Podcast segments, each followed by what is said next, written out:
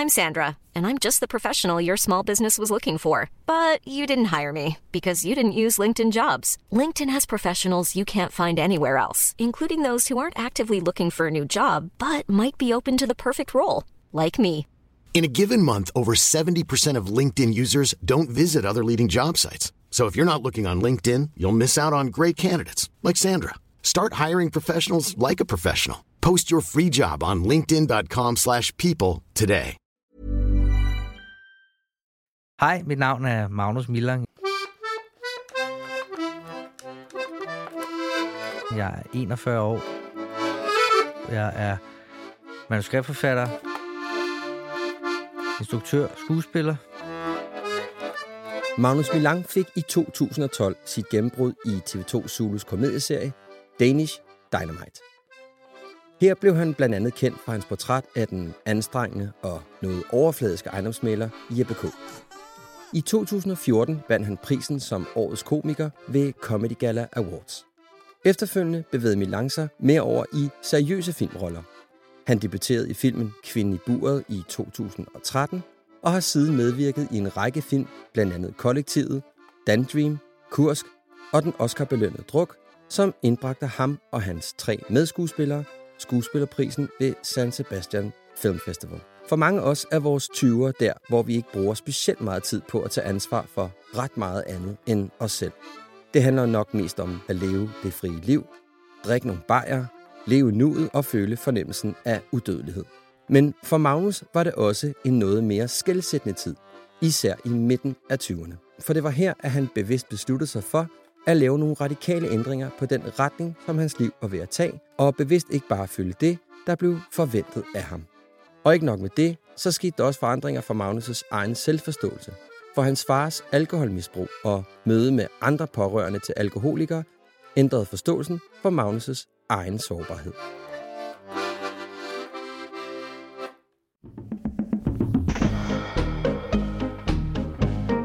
Hvad vil det egentlig sige at være en moderne mand? Og hvilke værdier skal man have styr på? Ikke bare for at have et godt forhold til sig selv, men også til sin partner. Disse spørgsmål og mange flere taler jeg om med mænd, som jeg finder inspirerende, og spørger ind til, hvad deres livserfaringer har lært dem. Alt sammen for at blive klogere på mig selv og min identitet som mand. Mit navn er Mikkel. Velkommen til Handkøn.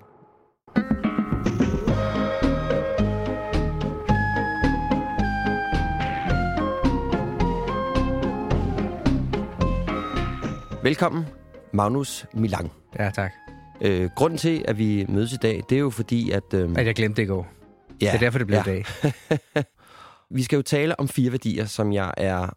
Øh, jeg går sådan og er meget nysgerrig om. Noget, du selv har fundet på? Er noget, jeg selv har fundet på, ja. Fedt. Det er noget, jeg coacher efter, og jeg i virkeligheden også lever mit eget Ja. liv øh, efter. Så, så ja, Ja, du har en podcast og lavet bog. hvad hedder det? De fire værdier, vi skal tale om i dag, det er jo ansvar. Altså, du skal vide, hvad du tager ansvar for, og du skal vide, hvordan du tager ansvar for tilstanden af din relation. Så skal du vide, hvad dit formål er, altså hvad du gerne vil bidrage med til verden, ude for hjemmet. Ja. Altså, det vil sige, det handler ikke om, at du har den flotteste græsplæne, eller at du er den bedste mand. Ja. Så skal du vide, hvilket følelsesmæssige behov du har, og så skal du have adgang til din sårbarhed og kunne kommunikere ud fra den.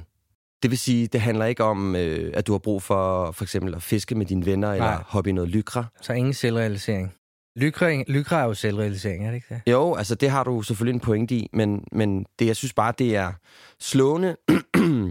jeg synes, det er slående at se, øh, hvor mange mænd, der har besluttet sig for, at de skal ud på de danske landeveje. Altså jeg er med på, at vi alle sammen er med på, at det er godt at passe på sit hylster, og at øh, det er ikke super godt at spise meget margarine. Jeg tror, det er dødsangst. Pr- Prøv lige at sætte nogle ord på det. Jeg tror, at, øh, at øh, vi jo yngre i dag i længere tid. Det hold, man, jeg synes, der er mange, der prøver at holde fast i ungdommen længere. Mm. Altså, bare i 90'erne kan jeg huske, min, forældre, altså, min far og deres venner, de gav jo lidt op. Der begyndte tøjet jo bare at sidde sådan lidt mere, nå ja, Ja, whatever. Skjorten ned i buksen, og så et lidt hurtigt bad noget tøj på. Der, det skal jo bare være tøj, det skal ikke se ud af noget. mm. Lad os starte over i øh, ansvarsafdelingen. Ja, Øh, det første, jeg vil tale med dig om, det er jo det her med at tage ansvar for sig selv. ja. Altså, jeg har selv været ret dårlig til at tage ansvar. Øhm, Okay. jeg var rigtig god til at tage ansvar for de ting, jeg synes, der var sjove. Altså slå græs og bygge og så videre. Ikke? Men jeg var virkelig dårlig til at tage ansvar for de svære ting. Altså der, hvor, der Mm. var, hvor, det, kunne, hvor det sådan kunne være konfliktfyldt. Ja. Må man ikke gerne have svært ved det? Man skal jo bare tage sig af det. Altså det er ikke bare noget, der skal ligge. Ja, ja, det er øh, klart. og det var jeg verdensmester i at gøre. Okay, ja. Så det allerførste spørgsmål, jeg har til dig, som jeg jo lige har legnet op for dig, det er, ja. øhm, hvordan har du det med dit ansvar? Altså, jeg synes, jeg har langt mere selvindsigt omkring at tage ansvar, og mit ansvar i dag, frem for da jeg var 23. Mm. Også fra da jeg var 33. Øh, så, så 100% er det da noget, man også lærer. Øh, man, man oplever langt hen igennem livet. Altså, det er jo virkelig klichéen, øh, at det skal forstås bag, bag, bag, bagfra, Ja. baglægs. Øh, fordi det er, jo, det er jo der, man kan analysere på sig selv og se, hvad for nogle fejl man har begået. Var jeg måske også lidt skyld i den her? Det, derfor bliver man jo bedre til i øjeblikket at kunne sige, hvad er mit ansvar i det her problem? Mm. Arbejdsmæssigt, forholdsmæssigt. Øh, jeg vil da stadig sige, at hvis jeg får det smidt i hovedet, så vil jeg jo altid til at starte med stadigvæk sige, det gider jeg ikke høre på. Det er ikke rigtigt. Og så vil jeg godt kunne næste dag kunne sige, at jeg har tænkt over det. Mit ansvar er, jeg har også en del af ansvaret der. Men da du var de der 23, som, som du taler om, hvordan ja. Så du så på dit ansvar? Jamen altså, jeg tænker, at start 20'erne er jo nok der, man har allerlavest selvværd og allerhøjst selvtillid. Ah, Det føler jeg stadigvæk, når jeg kigger på unge i dag, kan jeg godt genkende dynamikken. Nul ydmyghed. Øh, kæmpe anger over, hvem, hvem man er indvendig. Øh, og det selvbedrag, det købte jeg dengang. Man var the shit. Øh, og der begynder det jo langsomt at gå op for en, at, at øh, det er man jo ikke. Måske nødvendigvis. Man skal i hvert fald gøre en indsats. så der er et eller andet op igennem dine 20'er. Der er et eller andet øh, postgymnasie, hvor, hvor, hvor man tænker, hov, jeg er faktisk ikke færdig med at gå i byen. Der var et gear mere. og, og, øh, og nu ejer jeg endnu mere verden. Øh, det er nok det værste tidspunkt at møde en, en dreng. Det tror jeg på det tidspunkt. Og, og hvor gammel taler vi om, vi er her? Så er det sådan noget 21-22. Ja. Lige det der, man, øh, man Der bor i byen. man. man bor i byen nu. Man har ikke rigtig tur i den med nogen ting, men det ser sådan ud. Jeg tænker over, altså, kan vide, om det er en, en mandeting. Umiddelbart vil jeg tro, det er det.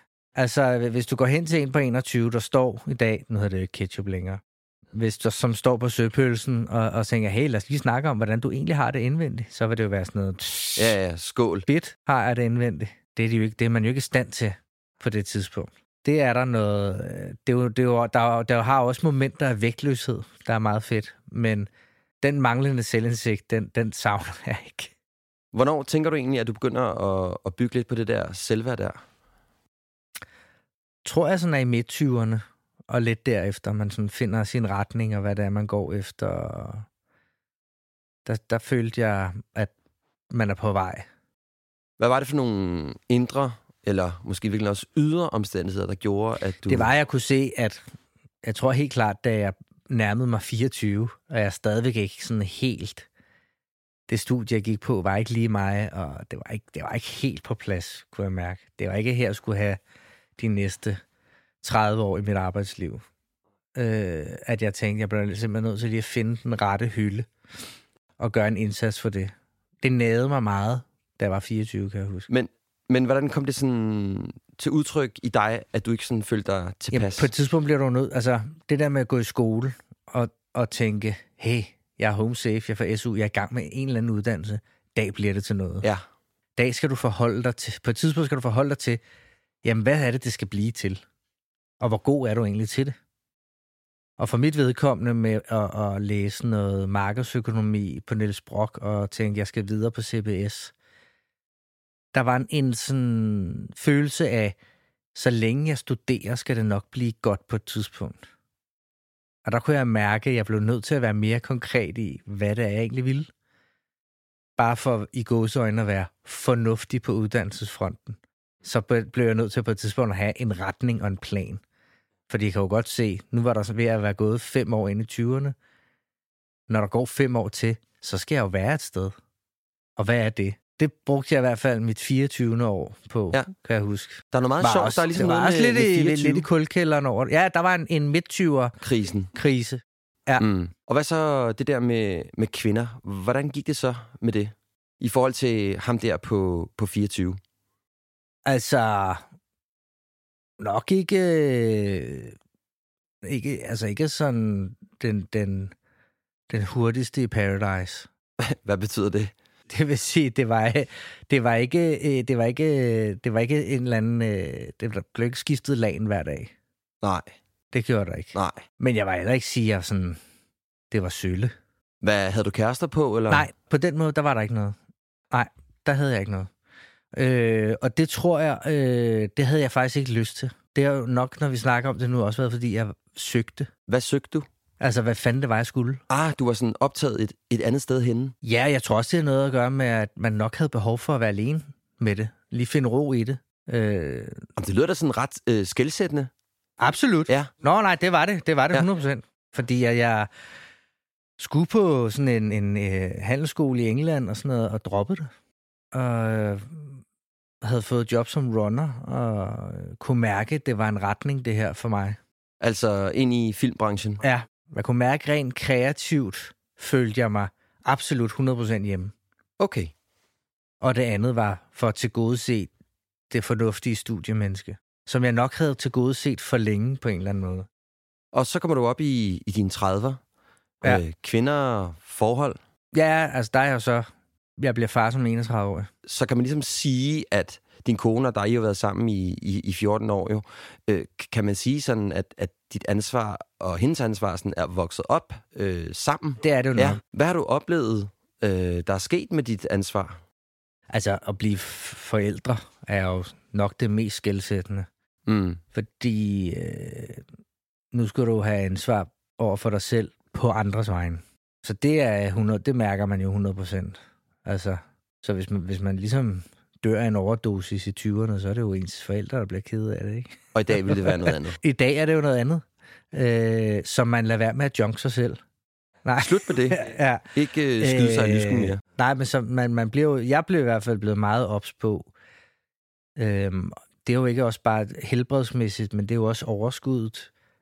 Jeg bliver nødt til at dyrke motion for at være den bedste version af mig selv mm. derhjemme. Det er også en stor del af det. Det er ikke kun velvære for mig øh, og helbred.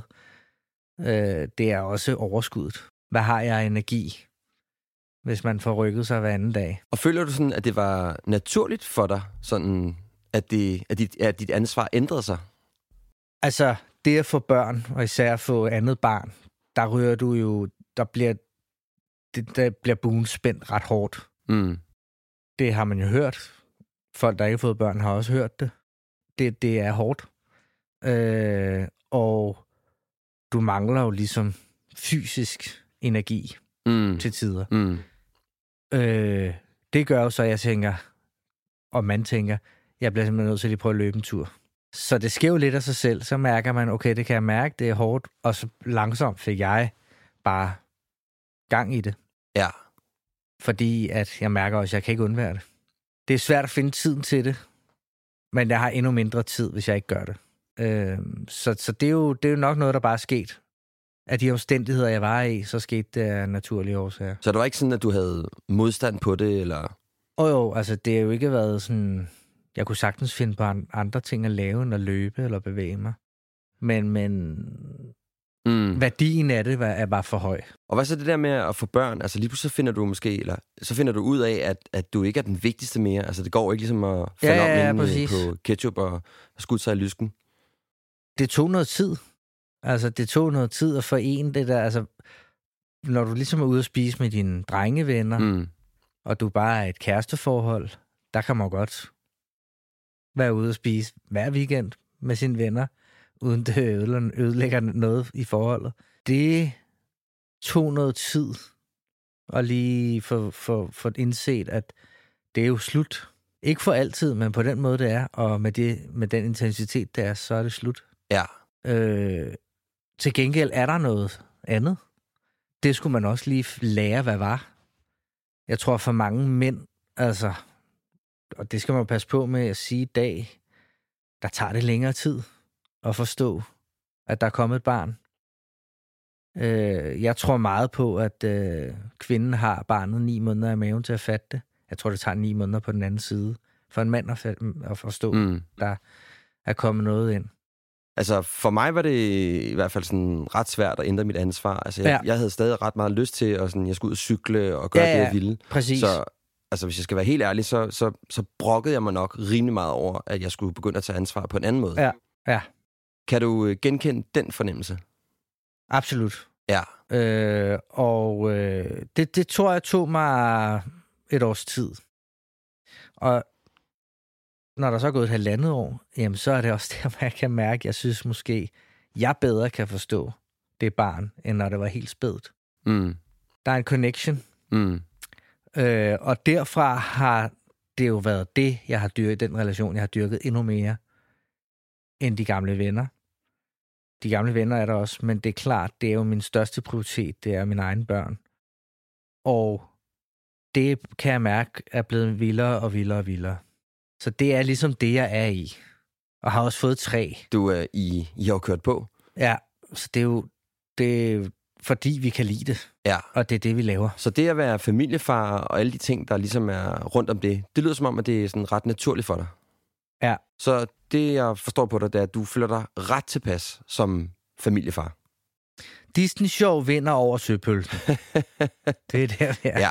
ja. Så er du også god til at tage ansvar for tilstanden af din relation med din kone? Ja, absolut. Øh, jamen, det synes jeg, vi begge to er. Ja. Kommunikation er jo nok. Det er, abs- det er nok nøglen til det jo. Ja. Og hvis der er noget, man skammer sig over, man er irriteret over, så må man sige det, men det skal ud alligevel.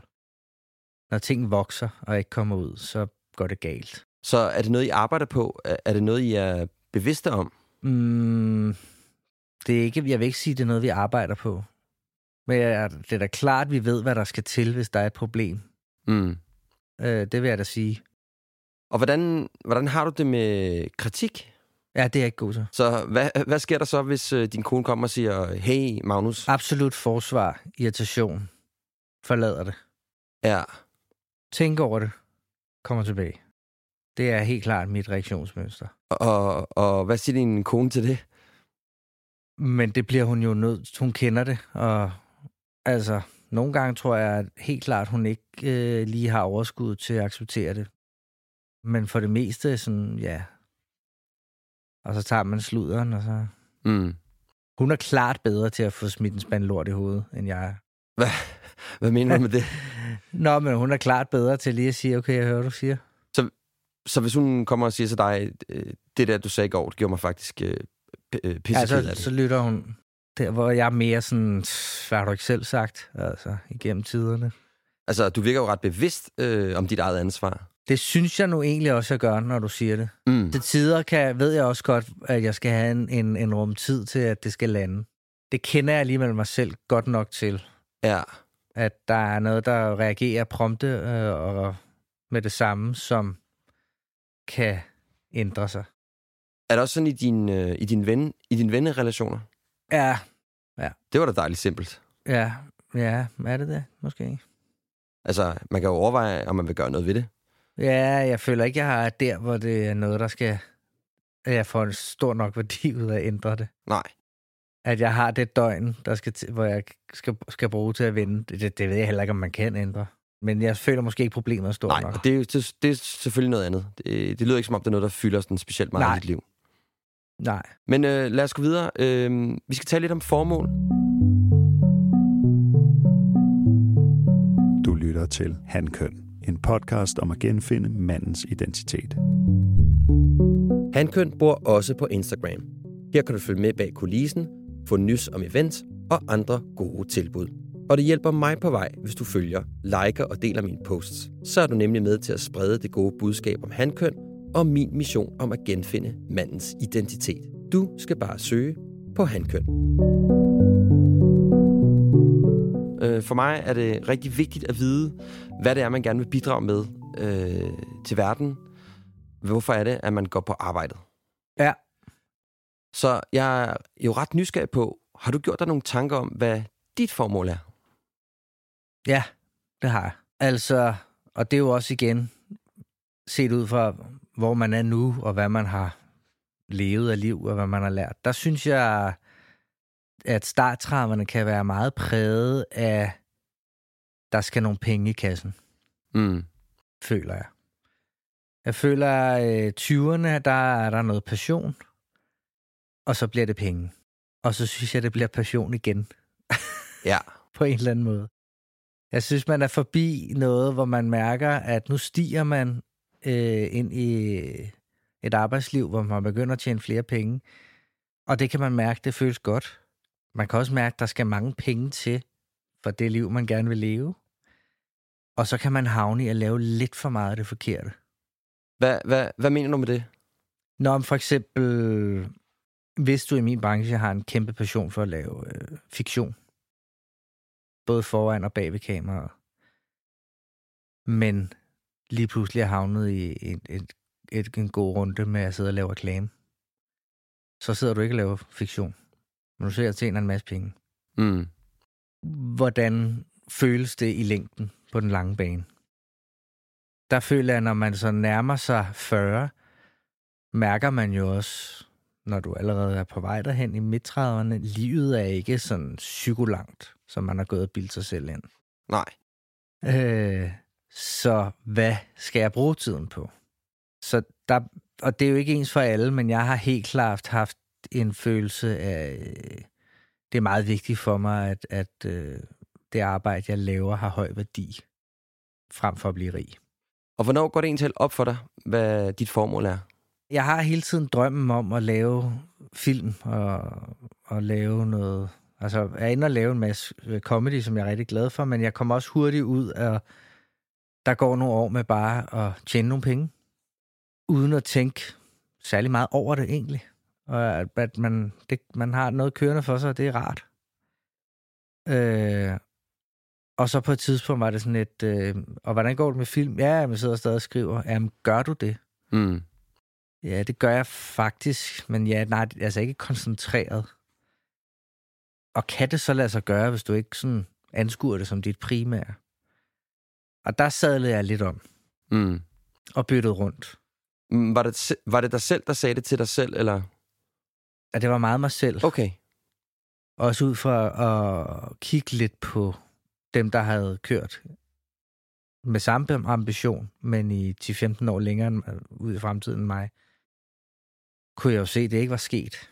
Øhm, og det er, jo ikke, det er jo ikke, fordi der er noget galt i det. Det var bare for mig ret vigtigt at få lavet noget fiktion, og lavet noget tv, og lavet en film. Så startede du kun med at lave reklame? Nej, jeg startede med at lave tv og kortfilm og alle sådan nogle ting. Og så lavede jeg Danish Dynamite. Og så begyndte jeg også at sidde og skrive nogle reklamefilm.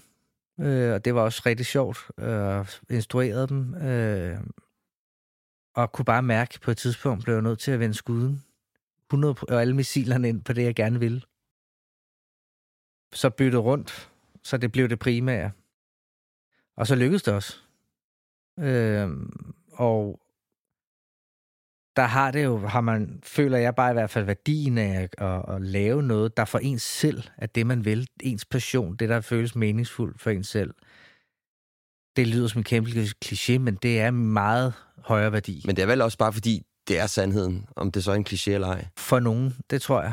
Og det er sandheden, det er det. Jeg tror bare, det er rigtig vigtigt, at man går på arbejdet og tænker sådan, hold kæft, jeg vil bare gerne være den bedste pædagog, eller jeg vil være den bedste regnskabschef. Ja, eller jeg vil bare gerne lave den her stol. Ja, præcis. Altså, øh, eller, ja, men, øh. men, men det er bare vigtigt, at der er en passion i det. Altså, det andet Ja. lyder lidt for mig som, det bare er en Ja, men det er jo også noget at gøre med, at man, man sidder jo og har øh, på en eller anden måde lykkes med noget udefra. Mm. Demografisk sidder man, fået gang i en familie, fået et sted at bo. Mm. Og så kører det, men det er jo sådan, ja, men alle dine arbejdstimer hænger ikke nødvendigvis sammen med det. Med det, du egentlig ville. Nej. Øh, og jeg havde været der, så jeg skulle bare tilbage igen. Okay. Og hvordan var det så at skifte over? Altså, det var en kæmpe lettelse. Ja. Det kunne man jo så mærke, der var, det, var, det, det der med at anskue det som det primære, man lavede, føltes bare virkelig, virkelig fedt. Koster det noget, eller... Økonomisk, ja. Mm. Ja. Men det, jeg synes, der er interessant, det er jo, altså, er du også villig til at betale prisen for det, du gerne vil? Altså, Jo. både med mine klienter, med venner, og med de mennesker, jeg møder. Altså, det er jo det der med, at ah, men, øh, nu laver jeg det her. Altså, der er, der er store udgifter. Men du ved, jeg kan godt tænke mig at være møbelsnedker. Ja, Altså, man får sat sig på en specifik måde, der gør det svært at opnå sit formål.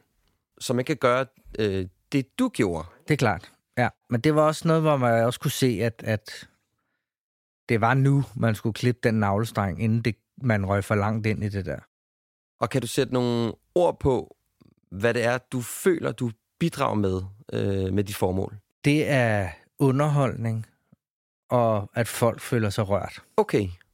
Rørt hvordan? Jeg vil gerne lave en øh, underhold på en rørende måde Mm. Med de ting, jeg laver. Og hvad er det, du gerne vil have, at underholdningen skal gøre? At man fik noget ekstra med sig. Man ikke kun grinte, men man også fik noget ekstra med sig. Så det ikke bare øh, falde på hanen og, og slå en skid? Nej. Og så kan man jo sige, øh, om det lykkedes eller ej, det, men, men det har været min intention. Det har været det, jeg kan trække fællestræk i. Hvornår øh, fandt du ud af det? Fordi du er ret god til at fortælle, det er et år, fortælle om det er et år siden. Er det rigtigt? Ja. Ja. Jeg portrætterer mange mennesker og deres fejl. Det synes jeg er sjovt. Og det, Det har er jeg også altid rigtig gjort. sjovt. Det har jeg altid gjort. Og, og, og, og så var jeg sådan lidt, Nå, men, er- hvorfor er jeg så vred egentlig? Altså, det synes jeg egentlig ikke, jeg var. Men jeg synes jo, humor har øh, en ret god egenskab til, at man kan komme igennem alle livets sider. Mm. Altså både de sjove, men også de tragiske. Det er en, en form for medicin, øh, og, og det synes jeg er et befriende værktøj til det. det. Hvis jeg kunne mærke helt indvendigt, så synes jeg, det er sjovt at gøre tri, grin med nogle ting, fordi det tager pusten, altså det åbner for den ventilen af tragedie, Ja. så man får bearbejdet dem og set det i øjnene, og kan være i det. Øh, så, så det er jo også, jeg holder jo så også stadig på mange af de ting, jeg har gjort grin med, er med glimt i øjet, men også øh, med den mission af, at man har behov for at tale om det. Mm. Og i Danish Dynamite, der lavede vi en karakter, der hed Tone, som tidligere hed Torben, som var øh, ensom.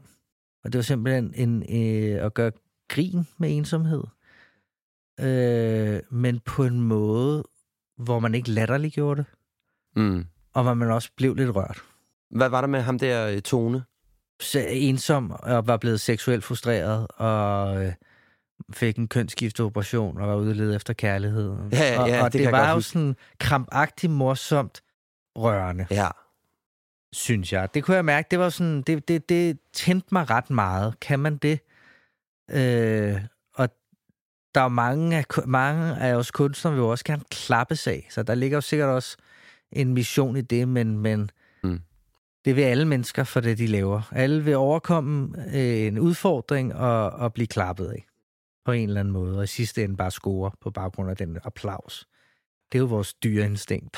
Absolut. Men, men, men formålet var helt klart undervejs at give et lidt mere dybfølt grin end bare joken. Ja. Øh, og det kunne jeg ligesom trække en fælles tråd i de ting, jeg havde medvirket i, og de ting, jeg har lavet. Altså, det, det kreative fag, synes jeg måske også kan være ret modbydeligt. Så hvis det er, at man kan noget andet, så synes jeg, man skal gøre det. altså, øh, og noget andet, man er god til, så tror jeg, man, man og hvis man går og flytter lidt med tanken, så tror jeg, jeg vil vælge det andet. Øh, den er jo hård. Ja. Altså, det er jo, jeg har, det er jo siddet og tegne tegning, og så bliver den ikke godkendt. Og det kan du bruge lang, lang tid på, og så kan bliver den godkendt, og så er der nogen, der ikke kan lide den, eller... Altså, der kan være mange ting. Du skal vurderes meget. Mere end, Hvad, hvad godt er. eh, men mere end de fleste andre fag, jo, så bliver du vurderet ret hårdt. Ja, og jeg tænker, det kan måske også føles meget personligt, ikke? Nå, men det vil du gøre. Mm. Øh, og, og nu sidder jeg og siger tankerne bag mine projekter. Og jeg har lavet en spillefilm, hvor det har netop været missionen at få folk til at grine og, og mærke en, en relation mellem to brødre samtidig, og en fortid, og Og have en bund af smerte oven under humoren. Og så er der jo nogen, der tror, at der ikke har været et manus, fordi den er så dårlig, synes de. Der er så også nogen, der synes, den er fem stjerner, og, men, men, men det er jo hårdt, at, at øh, den proces har taget lang tid, Mm. flere år, at skrive og kreere. Det er jo hårdt. Ja, det kan jeg godt forestille mig. Du lytter til Hankøn, en podcast, der handler om at genfinde mandens identitet. Magnus er blot en blandt mange skuespillere, der hen over sæsonerne har været forbi hankønsmikrofonen. Mød blandt andet Carsten Bjørnlund, Jeg havde en masse idealer, en masse idéer om, hvordan og hvor fed en far jeg ville være og sådan noget. Men, men jeg havde ikke noget at læne mig ind i. Jimmy Jørgensen Jeg har taget det til mig, og så har jeg tænkt over det, og så har jeg lavet den samme fejl igen. og David Densig. Jeg har nok set på mine partner, som at de skal være der for mig i større udstrækning, end jeg skal være der for dem. Find afsnittene i din feed, eller der, hvor du henter dit hankøn.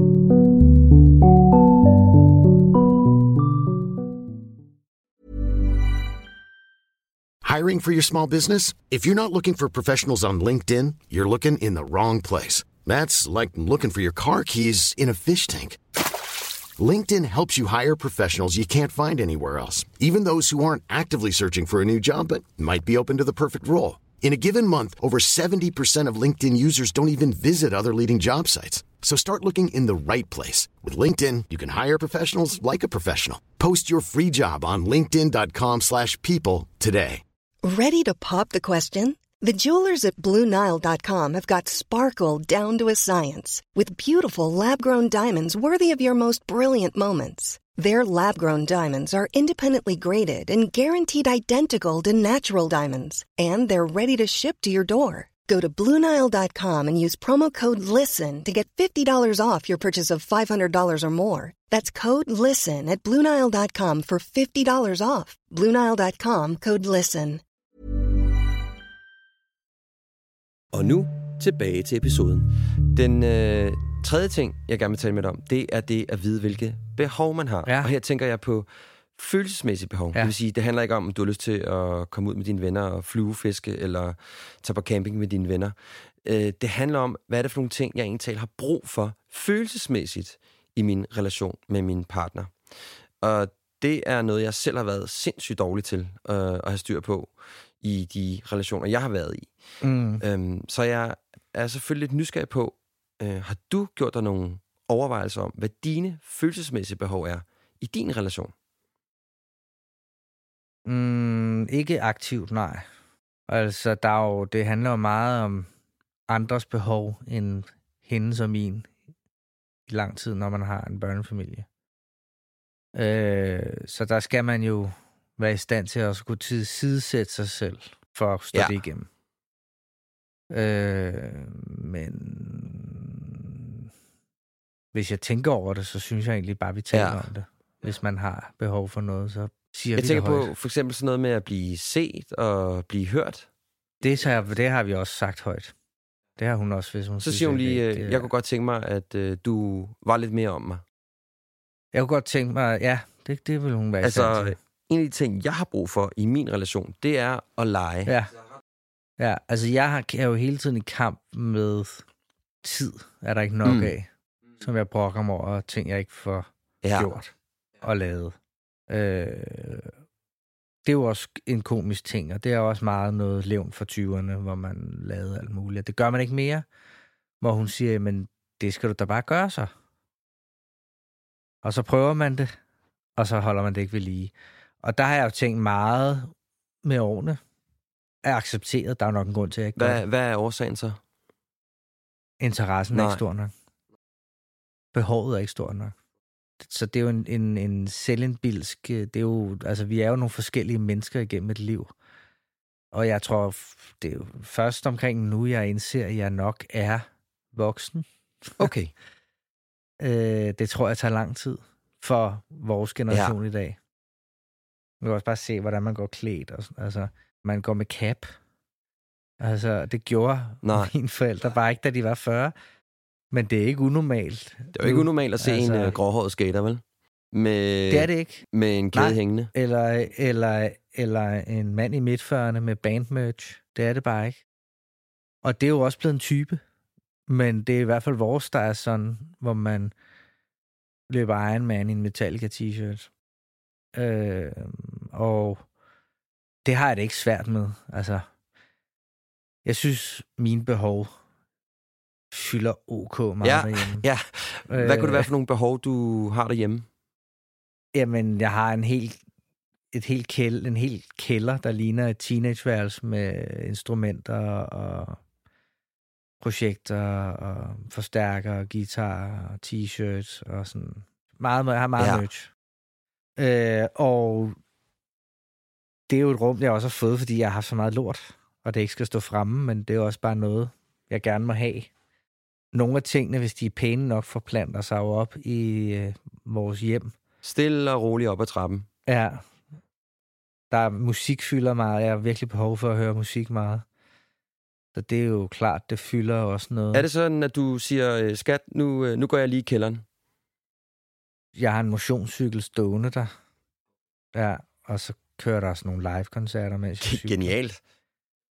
Det, ja, det er jo det er det jo. Altså, ja, og så går jeg op, og så har, har jeg sådan et, et, et virkelig hi-fi-nørdet analogt anlæg til nogle plader, som står midt i spisestuen. Men det er pænt, Ja, ja. så det, det må gerne være der. Og hele familien synes også, det har en værdi, fordi det lyder Mm. godt. Øh, men det fylder meget. Øh, så jeg kan jo godt se, at, at tingene fylder meget. Vi har fælles ting, der også altså, er vores fælles behov. Vi kan godt lide, at der er noget pænt på Men væggen. det lyder da som på mig, at øh, den lille lejne Magnus, øh, han, han får plads til, at, Ja, at du kan være der. Ja. Om det har jeg. Når du siger det nu, og jeg forstår spørgsmålet her nu, her Ja, langt ja. inde i podcasten, så ligger der ikke, øh, føler jeg mig på ingen måde hæmmet. Absolut ikke. Altså, øh, så det, det, det er også vigtigt. Altså, jeg synes, synes også, det er, jeg tror også, jeg dyrker det.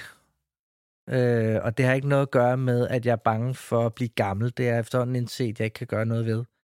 Men i og med, at jeg får holdt det ved lige, så er der et Nå, stort ja, behov man kan også mig. sige, altså, at din kreativitet kommer jo ud af lejen. Altså, du kan jo i teorien stå og Ja. spille jægerbold dernede. Altså, der er jo virkelig sådan en sat dernede, ikke?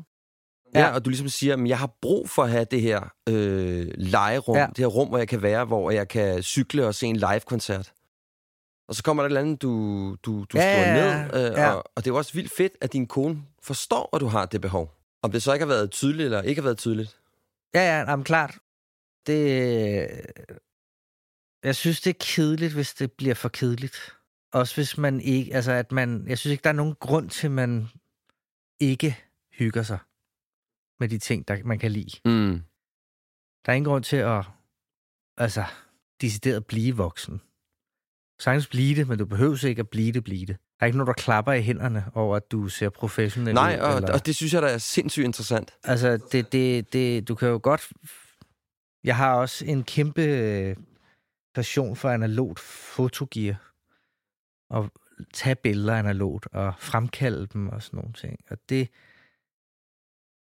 det, er jo, det synes jeg, der er, er, er vigtigt at holde fast i. Mm. Altså, Men det er jo sindssygt interessant, ikke? Fordi vores forældre, de blev jo sådan rigtig ja. Ja. voksne. Men det, der fik man jo også en applaus for at gå i skjorte Præcis. og suit og, og se vigtig ud. Mm. Og det kunst, du havde, Ja. ja. var vigtigt, og dit BRO øh, var vigtigt. Der var, og, og der kan jeg mærke, den har jeg helt klart et, en form for oprør imod. Jeg vil gerne have ting er pæne. Mit anlæg er også pænt, men der må også gerne sidde en Wu-Tang-plade i den Mm. stadigvæk. Altså, det, behøver, det skal ikke være...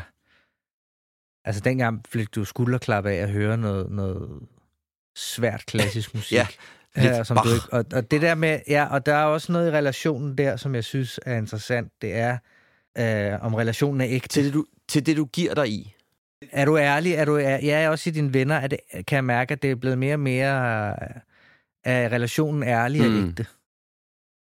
Eller tager vi ud og spiser der, fordi det ser fedt ud, eller skal vi høre det her musik, fordi det, det, det er vigtigt i visse kredse, eller sådan. Der kan jeg mærke, at jeg har går meget op i ægthed. Tror du, tror du, det er noget, der kommer med alderen? Jeg tror, det er... Nej. Jeg ved det ikke. Jeg tror også, der er nogen, der kan gå igennem et helt liv, Mm. mm. uden at gå efter noget, der nødvendigvis giver dem det, de inderst inde vil. Men man sidder fast i at gå på de rigtige loppemarkeder, og for at blive set med den rigtige taske, kan være til, du er 90. Jamen, jeg synes bare, det, det er en rigtig fin måde, du har fundet ud af, hvordan, hvordan du kan være et barn på en voksen måde. E- Eller Ja. ikke barn, men ung på en voksen måde.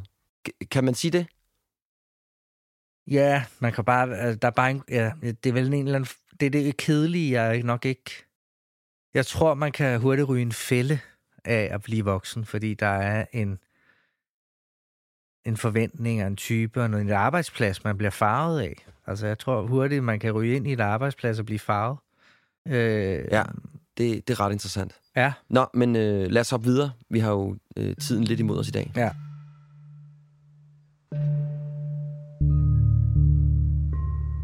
Den sidste ting, vi skal tale om i dag, Magnus, det er jo sårbarheden. Øhm, altså, sårbarhed for mange mænd, og, og det har også været inklusivt for mig selv, Ja. det er sådan lidt kryptonit, ikke? Altså, det er, det, det er noget, som, hvor man sådan fremstår lidt svag og lidt fesen, hvis man sådan begynder at udtrykke, hvordan man har det. Øhm, og jeg har oplevet i hvert fald i mit eget liv, og det ved jeg også, der er mange andre, der har, øh, at det der med at komme til ens, til ens kæreste og sige, ved du hvad, jeg er faktisk ked af noget, eller ja. Der er noget, jeg har tænkt over, det er mm. sindssygt svært. Ja. Øhm, og altså, jeg kommer ud fra, fra et fint lille, lille rækkehus ude i Lønby, sådan en gul rækkestens, eller gul murstenshus, og øh, altså, det der med sårbarhed, det var fandme ikke noget, vi gik og talte om. Nej. Så jeg tænker også, at det er meget en opvækstting. Jeg tænker, det handler rigtig meget om ens opvækst. Altså, ja. Da jeg var dreng, der, øh, hvis jeg sådan blev lige, hvad skal man sige, sådan kvindagtig nok, altså begyndte at sådan være lidt bekymret om noget, jeg skulle, eller på lejerskole, eller et eller andet den stil, ja. Så fik jeg sådan at vide, at øh, jeg skulle lade være med at skabe mig. Ja. Ja. Altså, så farligt kan det heller ikke være at tage på lejerskole, eller okay, altså, så farligt er det jo heller ikke at tage til tandlægen, vel? Nej, nej, klart. Når ligesom var, at jeg, jeg mødte en kvinde, ikke? Jeg blev ked af det, ikke? Så ligesom lærte hjemmefra, at det var jo ikke noget, jeg skulle tage mig af. Ja, Og det har helt klart været, været en hemsko for mig, og, og virkelig noget, jeg sådan har skulle... Deal med. Ja, ja, ja deal med. ja. Hvordan, hvordan har din sårbarhed det? Jeg er så heldig, at øh, min far drak rigtig meget. Mm. Så det så jeg ligesom i øjnene på et tidspunkt. At øh, det måtte jeg forholde mig til. Ja. Så da jeg var 25, der, øh, der kørte øh, vi ham til noget afvending i et forsøg på at afvende ham. Og der var der noget pårørende behandling. Det havde jeg bare not brug for. Nej, nej, nej. Altså, det var sgu psykologer og sådan noget til Mm. for svage mennesker. Ja. Altså. Øh, og, øh, og det var de sådan, ja, altså det, det, vi siger normalt, det ikke er et valg, hvis han skal have den bedst mulige proces. Okay, så må jeg jo gå ind med det. Og der sidder man så i en rundkreds, og sidder folk og fortæller om, hvordan personlige oplevelser det har været med en et forældre, der drikker, og man sidder sådan, ser dem græde og tænker, okay, var det uoverskueligt at skulle sidde her, altså. Og så helt hardcore blev det min tur, og så nåede jeg jo at sige tre år, og så knækkede jeg fuldstændig. Ja. Foran 40 mennesker. Men alle havde ligesom gjort det jo. Øh, Det var rimelig safe så, space. så jeg fandt jo også ud af, at det var safe. Og det var enormt rart. Mm. Og jeg levede meget op i snakken, og havde pludselig ufattelig mange spørgsmål, og kastede ud af mig selv. Så det var helt klart et vendepunkt for mig, at kunne tale om de der ting. Øh, og siden det har jeg hengivet mig til det. Virkelig. Altså, fordi, Hvordan hengiver man sig til det? Ja, det må være oplevelsen af, hvor rart det var at kunne tale om, om, om, om, om følelser, og pludselig kunne se, hvor forkert det var ikke at gøre det. Altså, det er jo nogle hæftige midt-20'er, du har haft. Ja, 24-25 Er det var nogle hæftige, Ja. ja. hæftige år, du Ja. har der? Jo. Hvordan forholdt du dig til din sårbarhed, før du havde det her eureka Pakket moment? det sammen. Pakket det sammen. Okay. Der var ikke noget. Nej. Der er ikke noget her. Jeg kan klare alt. Så, så jeg. hvis nogen sagde til dig, er du ked af det, så, så sagde du bare, nej, nej, det er fedt. Nej, det har jeg aldrig. Det er man. Det er jeg er ikke typen, der er det. Nå ja, ja, den er Ja. god, den der. Altså, den vibe. Nej, jeg er ikke typen, der er det. Nej, nej. Jeg kan huske, at der, jeg kan også huske, der var sådan nogle kollegaer på en bar, jeg arbejdede på, hvor de tænkte, du har sikkert aldrig moralske tørmænd. Så nej, jeg aner ikke, hvad det er. Ja. øh, altså, det blev ligesom en, en selvfortælling. Og den, sådan er der jo ingen, der har det. Altså, der er jo ikke nogen, der sådan ikke har haft tørmænd og haft, haft det federe, end, end før de drak. Øh, det havde jeg. Mm. Nej, så der, det, det, var, der, der, det var en lettelse også. Ja. Og at erkende, at man er et menneske, der er, har følelser. Og begyndte at anskue mig selv som mere følsom end sædvanligt. Øh, og fandt jo også ud af, at det kræver noget mod at turde sige det. Ja. At det handler om, at man i virkeligheden er jo bange, når du pakker dig ind i det der. Og det forstod jeg først bagefter. Hvad var du bange for, når du pakkede dig ind i noget? Når du er bange, når du laver en selvfortælling om at tale om, og Ah. du ikke kan tale om, altså så er er du jo, hvis du er der, så er du måske mere følsom. Ja, det er ligesom, det, ja, det er jo ligesom, når mænd siger, du, jamen jeg er jo ikke den der type, der snakker om følelser. Ja, jeg er Nej, ikke den der type, hvor man præcis. sådan tænker, altså, Ja, ja, præcis. er, er du død ind i, eller hvad nej, foregår der? nej, nej, det er jo netop, du er jo nok Præcis det modsatte. voldsom. Ja, det synes jeg var spændende. Og det lærte jeg har jo latent jo også brugt i mit arbejde. Altså, jeg synes jo, det er jo, altså... Men når jeg sådan tænker over det, så er der jo mange af de ting, du laver, de er faktisk ret sårbare jo. Ja, men det var for eksempel at Jeppe K. jo Ja, ja han, han er vild. et, et menneske, der virkelig ikke taler om det. Og et Ja, altså produkt af øh, Jeppe. K. for Danish Dynamite. Ja, han er, han er jo, og det skrev, vi, det skrev mig, ja præcis, mm. mig og Høsted, vi havde sådan et uh, sheet omkring hans fejl og hans styrker, inden vi gik på optagelse, og det han i virkeligheden allerhelst ville, var at få en krammer af sin far. Ja, men hvad, det vilde er, altså, han er magiterningen af nogle af de venskaber, jeg havde i 90'erne. Ja, Altså, jeg kendte fem af ham.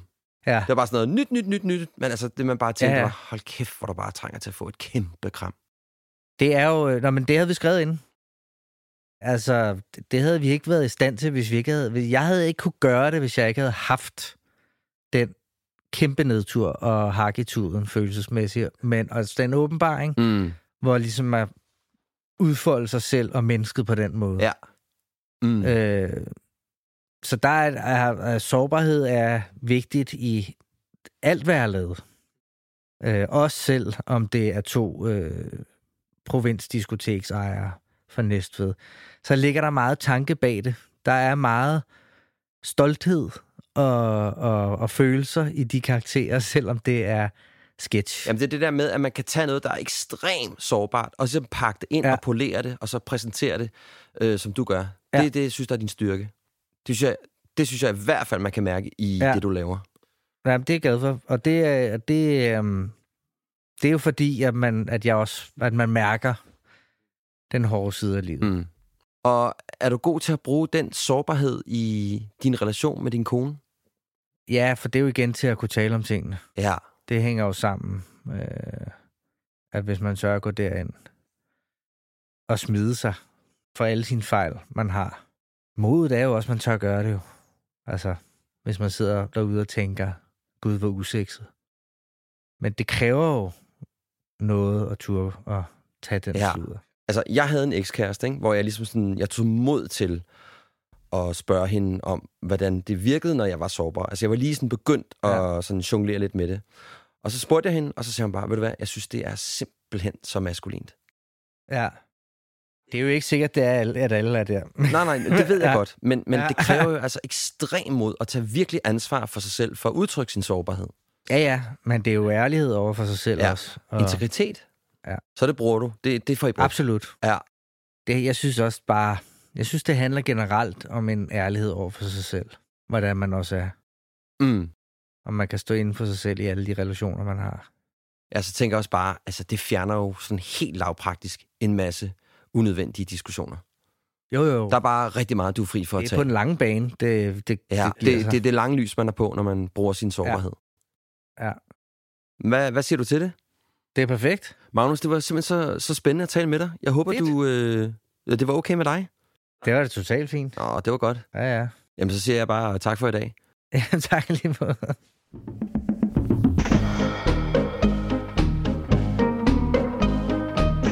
Magnus har gjort sig nogle virkelig spændende og meget bevidste tanker om det ansvar, han har i sit liv. Om det at blive voksen og aktivt tage stilling til hans rolle som far.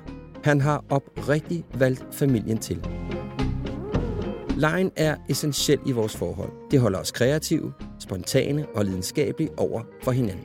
Så det er inspirerende at opleve en mand, der så bevidst har integreret sin lejende side, og ikke kun udlever den uden for hjemmets fire vægge. At han insisterer på, at hans indre barn kan og skal boldre sig, for han ved, at Mom deserves the best, and there's no better place to shop for Mother's Day than Whole Foods Market. They're your destination for unbeatable savings, from premium gifts to show-stopping flowers and irresistible desserts. Start by saving 33% with Prime on all body care and candles. Then get a 15-stem bunch of tulips for just $9.99 each with Prime. Round out Mom's menu with festive rosé, irresistible berry chantilly cake, and more special treats. Come celebrate Mother's Day at Whole Foods Market. Normally, being a little extra can be a bit much, but when it comes to healthcare, it pays to be extra.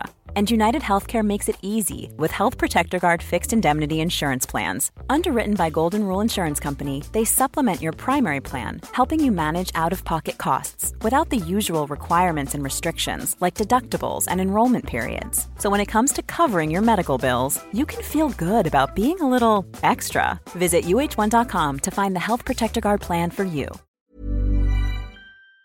Det for ham er en nødvendighed, ellers går han på kompromis med et vigtigt behov. Næste gang kan du møde en noget yngre herre end den normale gennemsnitsalder her i Handkøn. For jeg får besøg af sangskriver, guitarist, bassist og forsanger Asger Nordtorp, alias Gullimund. Og i vores snak er der et helt klart tydeligt tema. Husk at sætte grænser. Indtil vi lyttes ved, så tag et slag gæt og grimasser med kæresten, hvis du skulle være så velsignet at have sådan en. Det plejer at løsne op for det meste. På rigtig godt genhør.